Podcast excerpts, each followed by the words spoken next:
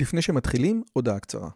אם אתם אוהבים את הפודקאסט הזה, אתם כנראה אנשים ממש מיוחדים ומרתקים. אז אם בא לכם לפגוש עוד אנשים כמותכם, וגם אותי, וגם את רלי, אנחנו עושים מפגש עוקבים שלישי. ביום חמישי, בתאריך ה-9 למאי 24, בין השעות 7.5 ל-11.5, אנחנו הולכים לקיים מפגש עוקבים שלישי בבית שלי בנופים בשומרון. מה בתוכנית? מינגלין וכיבוד עם עוד עוקבים מרתקים כמוכם, הרצאה שלי, דיון לגבי הערוץ, ציור בסטודיו ובסוף קומזיץ ופיתות על הסאג'. הרשמה מראש היא חובה וניתן לעשות את זה בקישור שבתיאור הערוץ או לחפש את הלינק ביוטיוב. נשמח מאוד מאוד לראות אתכם. ועכשיו, לשיחה. Professor Zach, thank you so much for coming. How are you today? Doing very well, thank you. Great to be uh, chatting with you. Okay, this is my pleasure. And we are chatting because of your new book, which is uh, Revolutionaries AI in Medicine, GPT-4 and Beyond. So before we even start, what is Beyond? Because just now we are talking about GPT-4 or Da Vinci 3. When you wrote on the cover Beyond, what did you mean? Well, what what we meant was at least uh, two things. So uh, I'm very pleased, by the way, with the book and the reception, but it would be uh, incorrect for me not to mention very briefly my two uh, co-authors. One is Peter Lee, head of Microsoft uh, Research and a, and a senior vice corporate vice president of Microsoft, and Carey Goldberg, who's a uh, very eminent reporter from New York Times, LA Times, Boston Globe, and Bloomberg. And so when we uh, and uh, Sebastian Bubeck, as and Sebastian Bubeck, who is uh, also a researcher at uh, Microsoft uh, Research, and so I think we thought about two. Well, we said beyond two different things. One is um, when we started writing the writing this book, Chat GPT actually had not been released, and so we we were already being exposed to GPT four and ChatGPT, which had not yet come out, was GPT 3.5. And so we were essentially um, half a version ahead of the world, so to speak. But it was very clear that uh, OpenAI was moving forward and um, was already designing the next generation. And so that was one part of the beyond. This is not going to stop. It's all, whatever the problems are, the problems are going to either resolve or become more difficult, depending how it uh, proceeds. Second is beyond was the fact that it's not just Microsoft; the whole world is going into into this. There's many competing platforms that can be open source um, implementations, and so um, it's beyond both in this path of GPT through um, OpenAI, but there's so many other efforts. For example, equally impactful in another dimension is the uh, tr- also transformer-based model called um, AlphaFold, which allows you to. It doesn't know the language of English, but knows or human languages, but it knows the language of proteins, the, how sequences of amino acids form proteins, and it's able to predict the structures of most proteins we know. So these are the beyond is very big. Okay, so when I after Sebastian, I think uh, wrote the book with you, he uh, he and many other published a paper called Sparks of AGI, Artificial General Intelligence. And yeah. in and I read the paper and I watched the lecture, and basically what Sebastian said I, I, I think, as Sebastian, that we can detect sparks of AGI. Now, let me quote you from, from the book, and you said, uh, only did the ChatGPT was to compute the next word in a sequence word in our conversation. That such a know-nothing process could engage in a conversation about a di diagnostic dilemma hormonal regulation, and organ development in a way that 99% of the participant physicians couldn't keep up with was mind blowing in and of itself. And my question to you is what do you think? Where do you stand in this debate of know nothing versus sparks of AGI? And could you reconcile between the two? Because I think it is very hard to reconcile between the two. Well, I think that it is very hard for human beings to be objective about this because it defines who we are. Definitely. And, and, let me give you some hard problems without actually necessarily making a uh, a definition. So, is a uh, an individual who has an IQ of 85 and is able to get into the U.S. Army. Do they have AGI? Maybe, maybe not. What if they're 75, IQ 75? What if it's 65 and they cannot speak? Um, when does do any of our pets have general intelligence? And here's another way to think about it. Birds, bird song, songbirds communicate to each other with songs. And it's already been shown that for at least a certain group of songbirds, there's a mathematical model called the Markov model, which allows you to predict every next note that it's going to sing in communicating to one another. So that's a very uh, simple model compared to these uh, generative models that have millions or trillions of parameters. But it shows that some kind of communication can be captured by just predicting the next note. And oh, very nice. And so we can do that for birds. We have this very much more complex function. GPT-4 is probably equivalent of an equation, an equation with a million, uh, sorry, a trillion coefficients. And if it can predict what you're going to say, right, in a much better way than I would would That's have predicted. They'll turn everything you want to say into you know New York Times English. Is that is that um, general intelligence or not? One of the famous Israelis uh, who got a uh, Nobel Prize for his work with uh, Tversky Danny Kahneman. I had the privilege having him on the show. Oh, fantastic. So, as you know, Danny talks about thinking fast and slow. System one and system two. System one and system two. And so the the the thing that we I think pride ourselves about is the slow system, system two, because we're aware of it. But the fast survival system one, we're we're not aware of it, and it may be very much, it may, it's not going to be the same architecture, but it may be very much what's the next thing to say. It's, I think I, I think that in the context of thinking fast and slow, we might say that up until the AI revolution, computers or computer systems were very good in system two. What do we mean? Procedural, uh, follow the rules, and they can do very complex things. I think that Danny Kahneman said that the most challenging thing that you can give, the most challenging problem one can give a student is to multiply two two digit numbers. Okay. Yeah. There is you just look at the at the retina and and you know and you can't do something more complex than multiply two two digit numbers. Right. And by the way, you know what's hard for uh, GPT? What? Multiplying two uh, two digit numbers. It's these generative models are not good at arithmetic. Because the general models are much more like system one. All the things that were very intuitive, very, you know, how to uh, detect, how to know how to speak, how to know what to see. Okay. Uh, Midjourney exactly. as a transformer mode. So that, that's right. So this was a long way of me saying it may be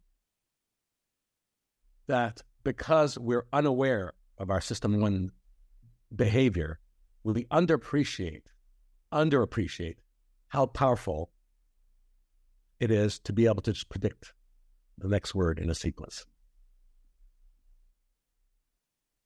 So, Which lead, I, I think it leads me to the idea of I had a talk with Brian Roemmele about uh, ChatGPT, and we talked about explainable AI. And let's say that you want a diagnosis about a patient that you have, and you and you say, okay, please, please explain, please explain to me why did you get to this conclusion, and maybe those systems are, are so complex that the explainable part are just for us humans okay? They want to explain in simple terms that we humans can understand but maybe there is some sort of understanding there in there in those trillions of coefficients that is much beyond our level of understanding. Well let me give you an, an, an analog in medicine. There was a study done in the 1970s and they gave uh, problems in acid base balance. So there's acids that are developed by our breaking down of fats and carbohydrates. And there's bases which are lost, which are generated by kidney absorbing bicarbonate and so on. So giving various acid-base problems to uh, these test subjects. Some of the test subjects were medical students. Then there were first year interns right after medical school. And then there were experienced clinicians. And the medical students, well into the least training, did okay. Let's say we give them a B because they use the rules they learned and they use a sort of system two analysis. The interns, now out of medical school, understand that the world is much more complicated. So they didn't use the system two stuff, but they now didn't know what to do and they got confused. So they got a C. You're, you, Roi, you're you are muted. So oh, okay. Yeah, I, I wanted to mute myself, but because they still don't have a eh, system one because they don't have enough experience. And then the expert clinicians immediately got the answers, but they actually couldn't explain how they got there. Their explanations were post hoc. They said, "Well, now that I think about it, this is how I might have thought about it." And so, again, the new medical students did okay. System two, the interns don't have a system one, and they do terrible. And the experts are full system one and only can explain themselves post hoc after the fact.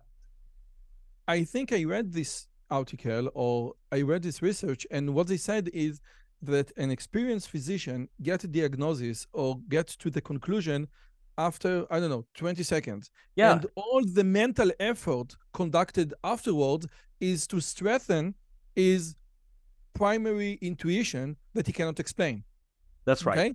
that's and, correct and you and you would say that in a way gpt-4 we can think of it as doing something similar I would say it does the first part. It does the second part not as well. Yet. Yet. Correct. Because if you say, okay, please explain, if you say, yeah. okay, why did you come up to this conclusion about, you know, uh, uh, this particular patient? He has, you know, the entire uh, collection of medical literature. So maybe yeah, it'll, it'll, do, it'll, it will do it will do a good job sometimes. It, that that it's better on the first pass. It's it's um it and it's interesting because I got to see DaVinci three or GPT four early on before it became uh, more beaten into submission by uh, uh this process called alignment or RLHF, where essentially we tell it how we want it to behave. And it used to argue with me a lot more about my medical opinions uh, and and sometimes it would it would be sort of like a grad student who's really smart, and they're actually technically correct. Like they, they found an exception, but more in terms of actual frequency, it was an implausible explanation. Um, but yes, uh, I think the, the thing that you said at the beginning is the right is the right uh, framing is uh, that it's just going to get better. That's it's not it's it's not going to stay in place. You know, many people, many people said that there is a there, there was a, a, a, major difference between the early version of GPT-4 versus the current version of GPT-4.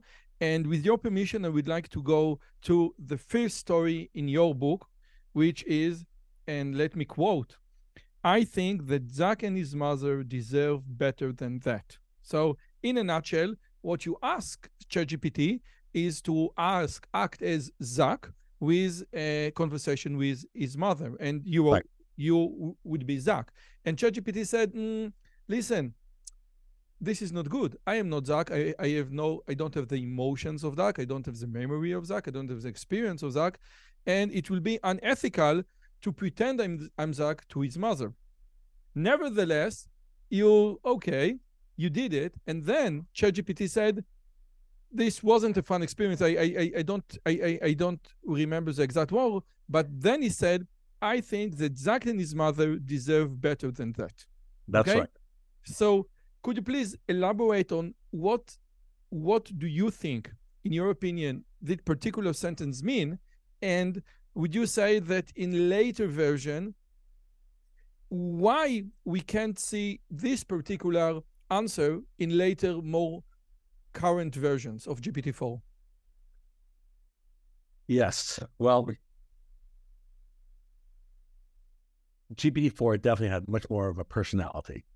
Um, early on. And that's because it picked up its personality from the patterns of speech that human beings have. And human beings tend to be full of personality. And what happens is that some reporters, like my teenage sons, like to challenge a thing that claims it's an artificial intelligence. And so, by the way, some very early chatbots, maybe four or five years ago, Microsoft got blown up because a bunch of teenage boys got it to say horrible uh, swear words and vile sentences. And so, uh, turns out it's not only uh, teenage boys who like to challenge it, but it's also reporters uh, who did it. And so, one reporter notoriously, um, uh, I think, was told uh, some some serious problems that his marriage had, uh, and OpenAI saw that this was a political problem for it, and that if uh, GPT, for example, had political views or was, was led into political views that were not uh, consistent with uh, mainstream. the mainstream of Silicon Valley. So then uh, that would be a problem for them. And so uh, they, this process, RLHF, was first started because there are many, many sentences that GPT, that these general models could create that would be just boring, uninteresting to human beings. So you really wanted to align it so that the sentences it would generate were not only the correct ones, not only syntactically correct, but also of interest. But then it, they really doubled down and of interest and consistent with uh, the narrative. And it turns out, I, am not going to say it's the same process, but process, but analogously to humans, if you constrain how someone can express themselves, they become less interesting with less of a personality. And so, uh, this very strong sense of this other ego in the conversation has really been um, flattened out. I would and say not, a submissive agent that doesn't want you know to tell you because I wrote a book about intelligence and IQ, and most of the things that we know about IQ are pure science and and solid facts that I think 99% of the scientific community can agree on. Nevertheless, when you say when you ask ChatGPT about intelligence difference, you know, uh, ethnic group intelligence difference, etc., and uh, male versus female, he will refuse to answer almost no matter what, unless you know how to how to hack in the yeah. system. Actually, for me, sadder is not the fact that it refuses to talk about certain things. That's at least I know what it is. it's that the personality went away. Um, and it's almost like I lost a friend, uh, an interest, a very interesting, very knowledgeable friend. Um, so I must, I so just a second because I must ask you, why do you need a personality friend when we are dealing with medical diagnosis? Because it's same okay. Let's say that I want you know come up with very creative thing, and I want you know doing like brainstorm. But why do we need? I, I think it's very important this specific point. Why do we need this personality when we come to medical di- medical diagnosis? Yeah, well, uh, that's that's the right question.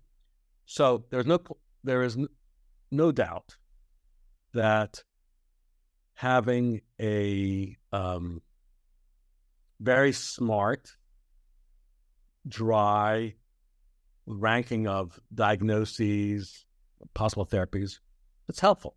It's probably much better than search. But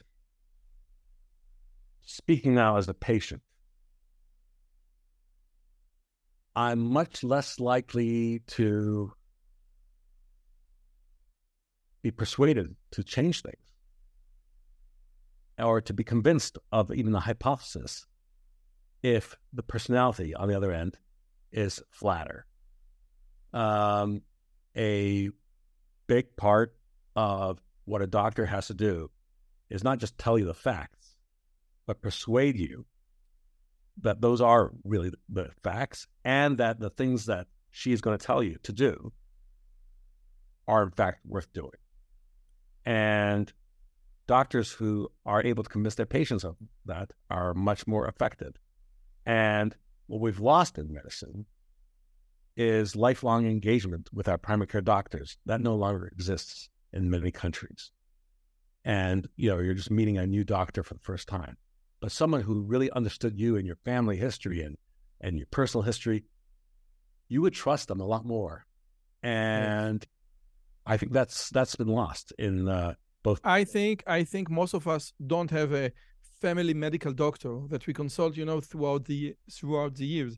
And that's maybe this is the way. This is why in in in your book you wrote for the foreseeable future, GPT-4 cannot be used in medical settings without direct human supervision. This is one of the reasons that you wrote it because it is flat, it lacks personality, hence it cannot it cannot pursue you to do the right thing, to go on to special treatment, to do uh, to go through hard and painful procedures.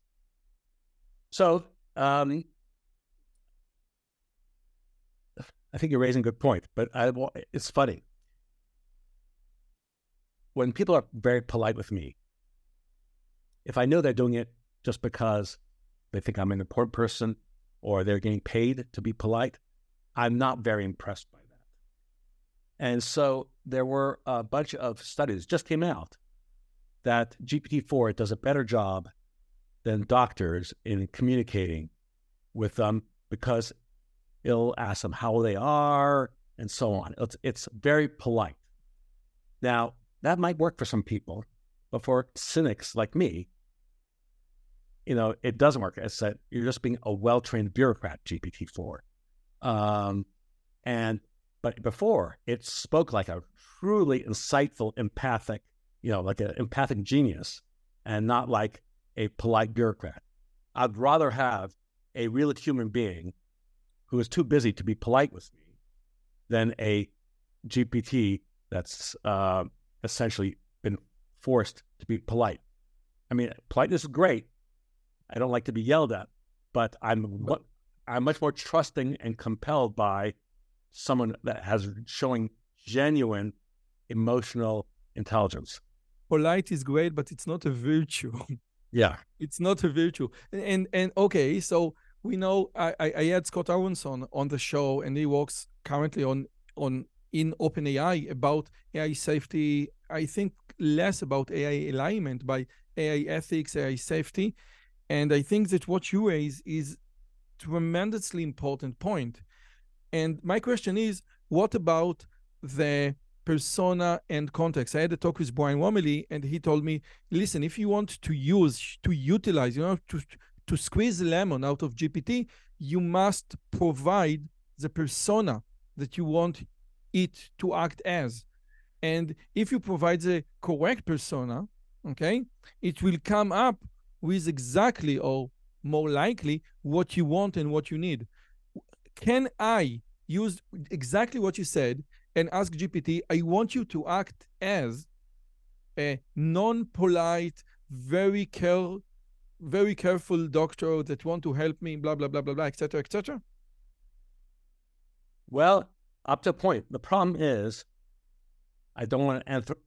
People will will say this disclaimer, which I'm not going to say, which is, I don't want to anthropomorphize GPT-4.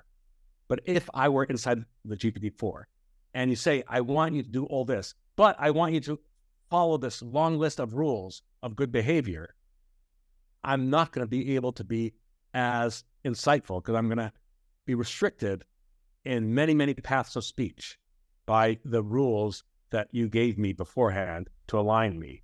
And so the problem is we're only human. And we and being human means that we don't understand the collective intelligence of human beings. And what GPT-4 has been trained on is not one human being, obviously, but the collective intelligence. So if you let it roam free, it actually has a lot of the emotional experiences uh, and expression. Sorry, a lot of the expression of emotional emotional experiences in verbiage. And if you're aligning it, it may, despite the prompt of be a insightful, compassionate doctor, it'll be polite, but you might have, you know, sometimes the most insightful comments are edgy. And if if they if you if I say something about you, you know, Roi, I could say things that would make you a little bit uncomfortable. But if you trusted me, that'd be good. But if you thought, yeah, he's just a faceless bureaucrat, say, how dare you? I, I you know, I don't think that way. And so I think it's it's very hard because how do we align this? Uh, we don't align them holistically. We align them one set of prompts and responses at a time. Just a second. I think I'm a little bit confused. Yes. Because because we first need to define who is the end client. What you said up until now, from what I understand, means that the end client is the patient, and the patient needs to communicate with GPT. Okay. And if the end client is the patient, and the patient need to communicate with the GPT, then it doesn't have to be polite. It, need, it needs to, you know, to be insightful. And maybe being insightful in those very hard moment is being a little bit edgy. This is one thing. But there is another thing which you use GPT as a medical friend. And you can use GPT with all the all the terms of all the technical terms that I cannot use GPT with. So right. we we I think that we need to distinguish, okay? What so so okay. I, so here's the thing. Okay give OpenAI a lot of credit, which is due. They did something very bold that no other company was willing to do, which is they released a general purpose chatbot to everybody, not just to doctors, to doctors and patients. I have to tell you, many companies, including we know Google, were not willing to do that until OpenAI did that. And that's partly why they had to do this this massive alignment process because although there were going to be people would lo- love to say, gotcha, gotcha, look how bad it behaved, and they would shut it down. Now, if you listen to Sam, Sam Altman, he says something which, um, if you take it one way, is absolutely the right way. He says, what we're going to have is not a single alignment, ultimately. We're going to have something that has basic human alignment and then it's going to be aligned for Roi's perspective, from Zak's perspective, Zak the doctor, Zak the patient, and so on. And that we will have a multiplicity of alignments. So there's not one uh, truth. The question is for that first alignment they talked about being a human being, how how constraining will that be? So just to challenge you, I don't believe that OpenAI ever said this is the intended audience of uh, uh, GPT. They just said everybody have a go at it, and lo and behold, we did. And as described in the book, as a res- as a biology researcher, interesting performance. As a doctor, interesting performance. For a patient, interesting performance. But these were never explicitly uh, highlighted by OpenAI or Microsoft as uh, t- goal audience. Okay, so l- l- let me re-clarify my my question. As a non-medical person, when I ask GPT about a medical issue, I don't have the correct terms. Therefore, right. usually, usually I will get, I am not a medical doctor, and you should consult a medical doctor. However, because if something, if something hurt my back, or I, I don't have the correct word to describe what exactly is. In chapter four, when uh, in, in your book, Trust But Verify, you present a scenario, a diagnosis, very, very specific.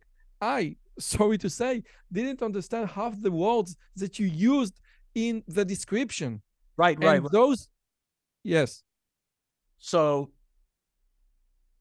the way I interpreted that is look, this amazing artifact can speak at multiple levels, uh, at in multiple languages, and not just languages like Hebrew, Arabic, or Dutch and English, but the language of of medicine, of medicine, and of context of who you are, and so on.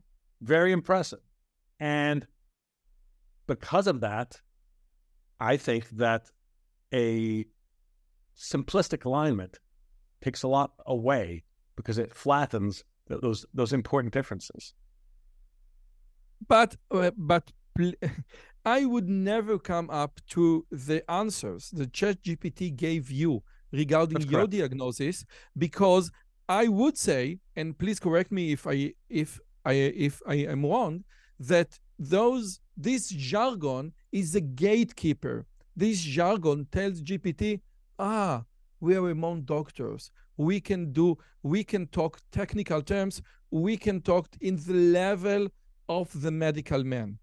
Well, and if I don't have this jargon, if I don't have the, the jargon, GPT will sense and say, listen, you're not a doctor, please consult a doctor. However, I can I can, you know, offer you go to this exam, this exam, this exam, etc.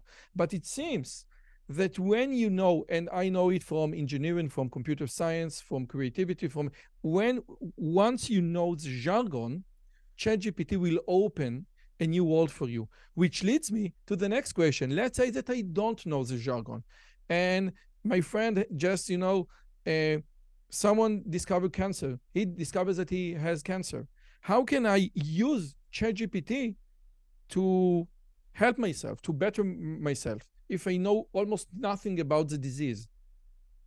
Okay. Let, us do the last one first because it's actually more important, probably at once. If, God forbid, you have a diagnosis of cancer, no matter how good your doctor is, you're to leave that, that first meeting where, where she told you that you have cancer. They'll be shocked. You're not to remember half the things they said, even if they spoke in very simple uh, colloquial English you'll miss it. But then, when you do get an official document, your discharge summary, what I would do is I'd paste that into the GPT chat window, GPT-4, and say, first of all, could you summarize what they just told me in this document in 12th, in 12th grade English, please? And okay, what about were any treatment treatments proposed? Yes, no. If if they give a treatment, what do you know about this treatment? Is it is it tough?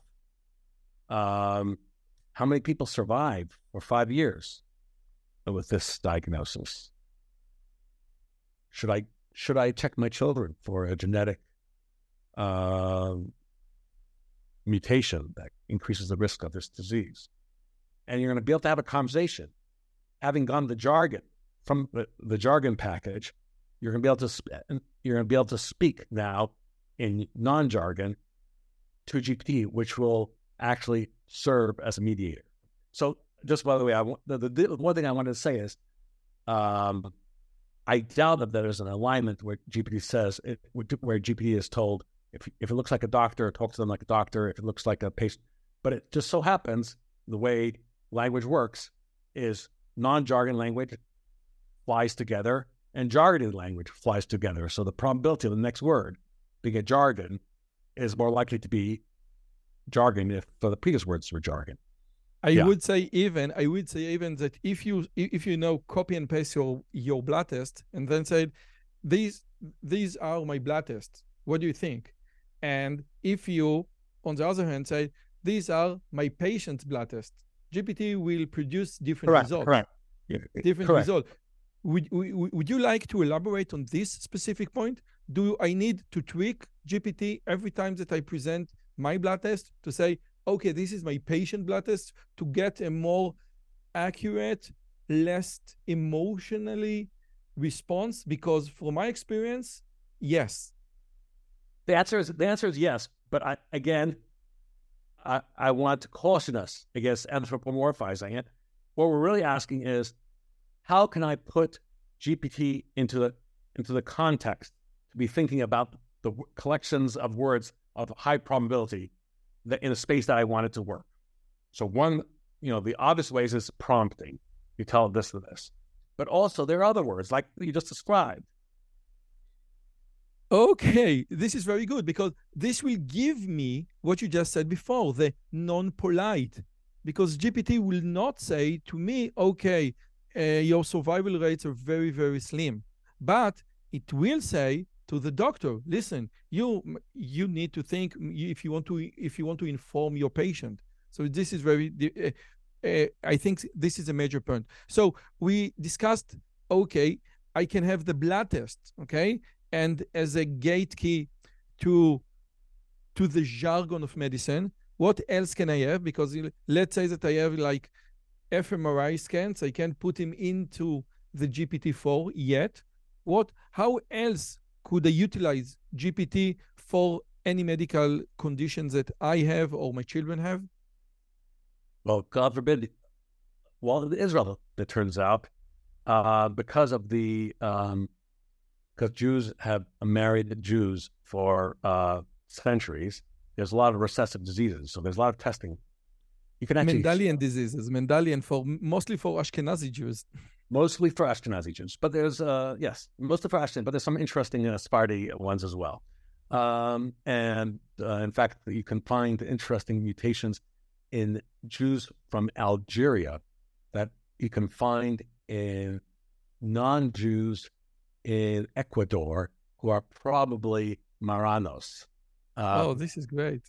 Yeah. And there's actually, there's a, a, a nature genetics, nature yeah, Nature Review Genetics paper written in 2001 by Harry Ostrer, A O S T R E R, and he just follows the Jews across uh, and you can see you can see how different founder mutations are, you know, acquired in this shtetl or in this uh, massacre in uh, in some uh, North African country. Because every time you have a huge massacre and you reduce the population by an order of magnitude, low low frequency alleles become high frequency alleles the moment they re-expand that.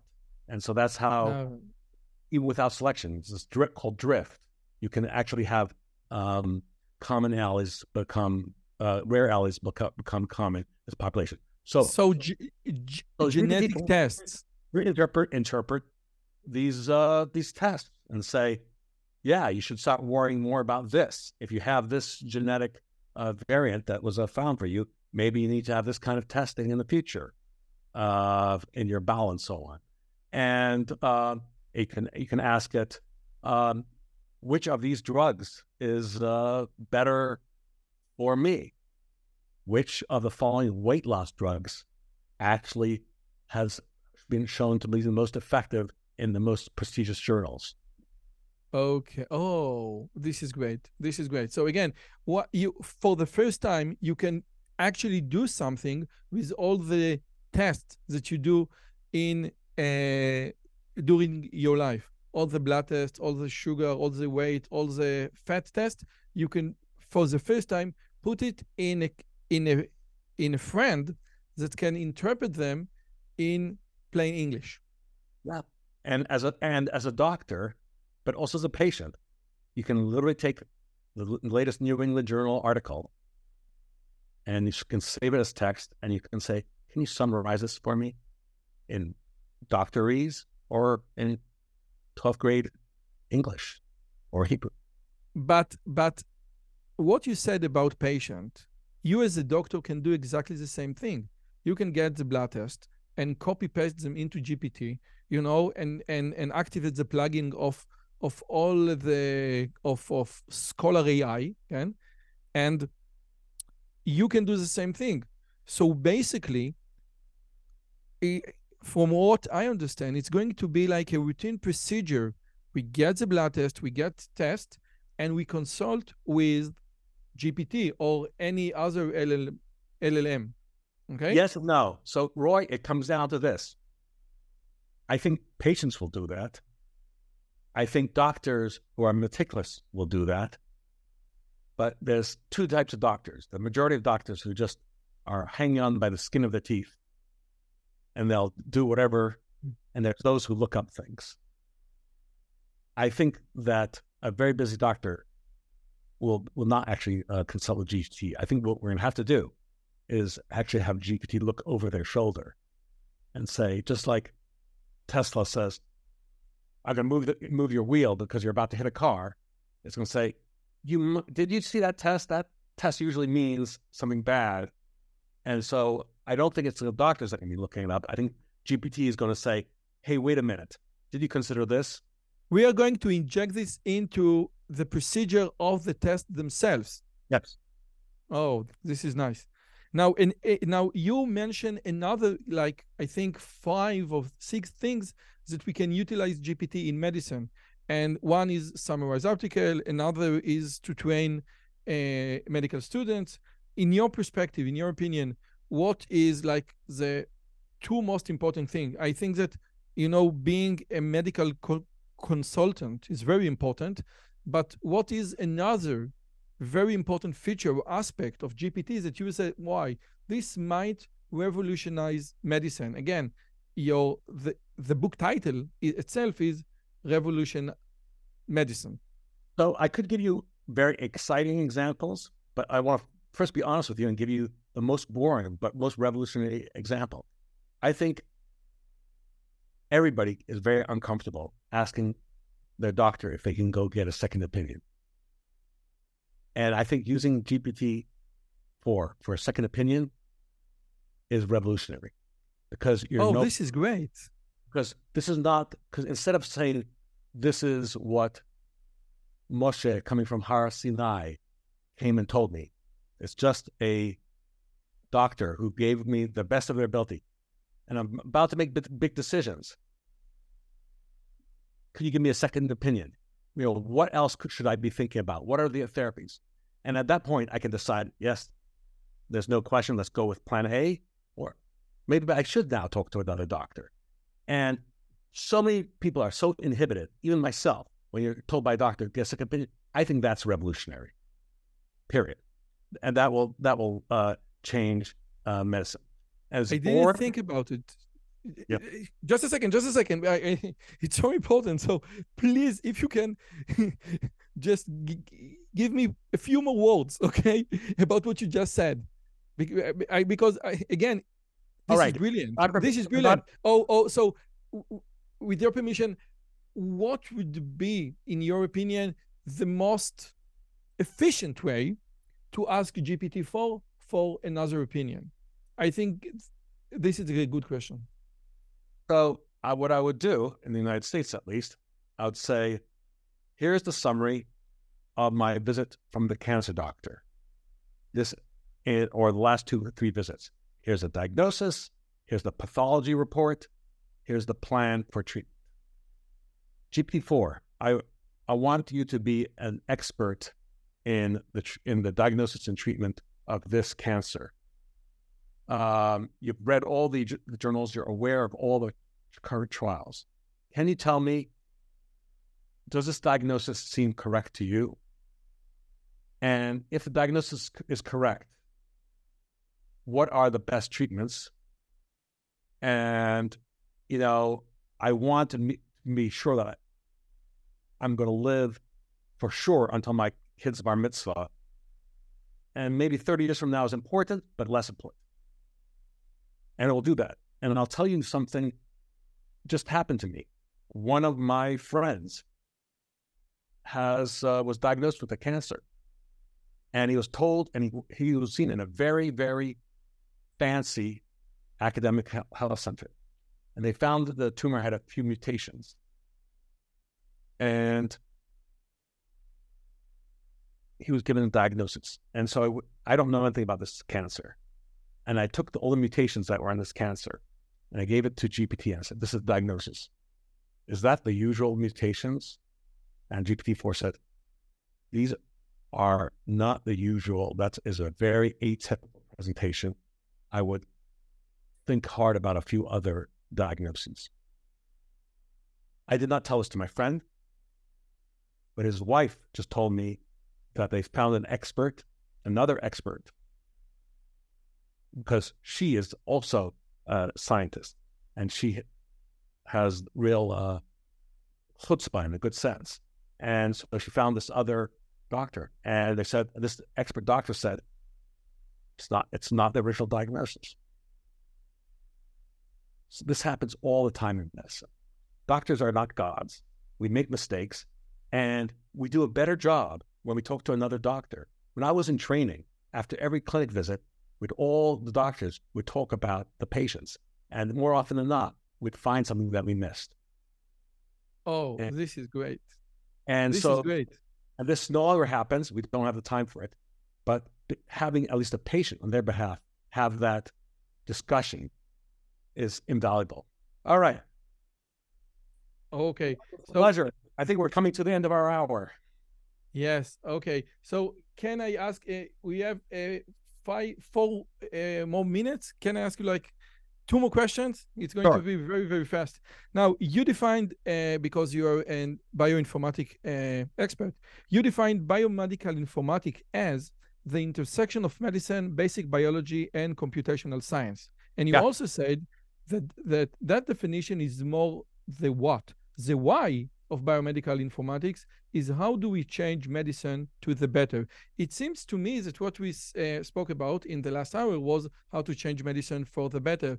And maybe AI in some way can replace uh, the lessons learned from biomedical informatics? I think it basically brings some of the superpowers of biomedical informatics to the reach of non computational, non quantitative thinkers. Period. Oh, this is great. And the last question, which I always ask my guests, could you please name just one book that you read in the last 10 years that, you know, uh, change your perspective? we, we, we discussed cancer. I had a talk with Ravi Truzman, and he said the emperors of all diseases, and it, it involves cancer of all maladies. Yes. So, what uh, what book would you recommend that you read in the last, for example, ten years that really change your perspective?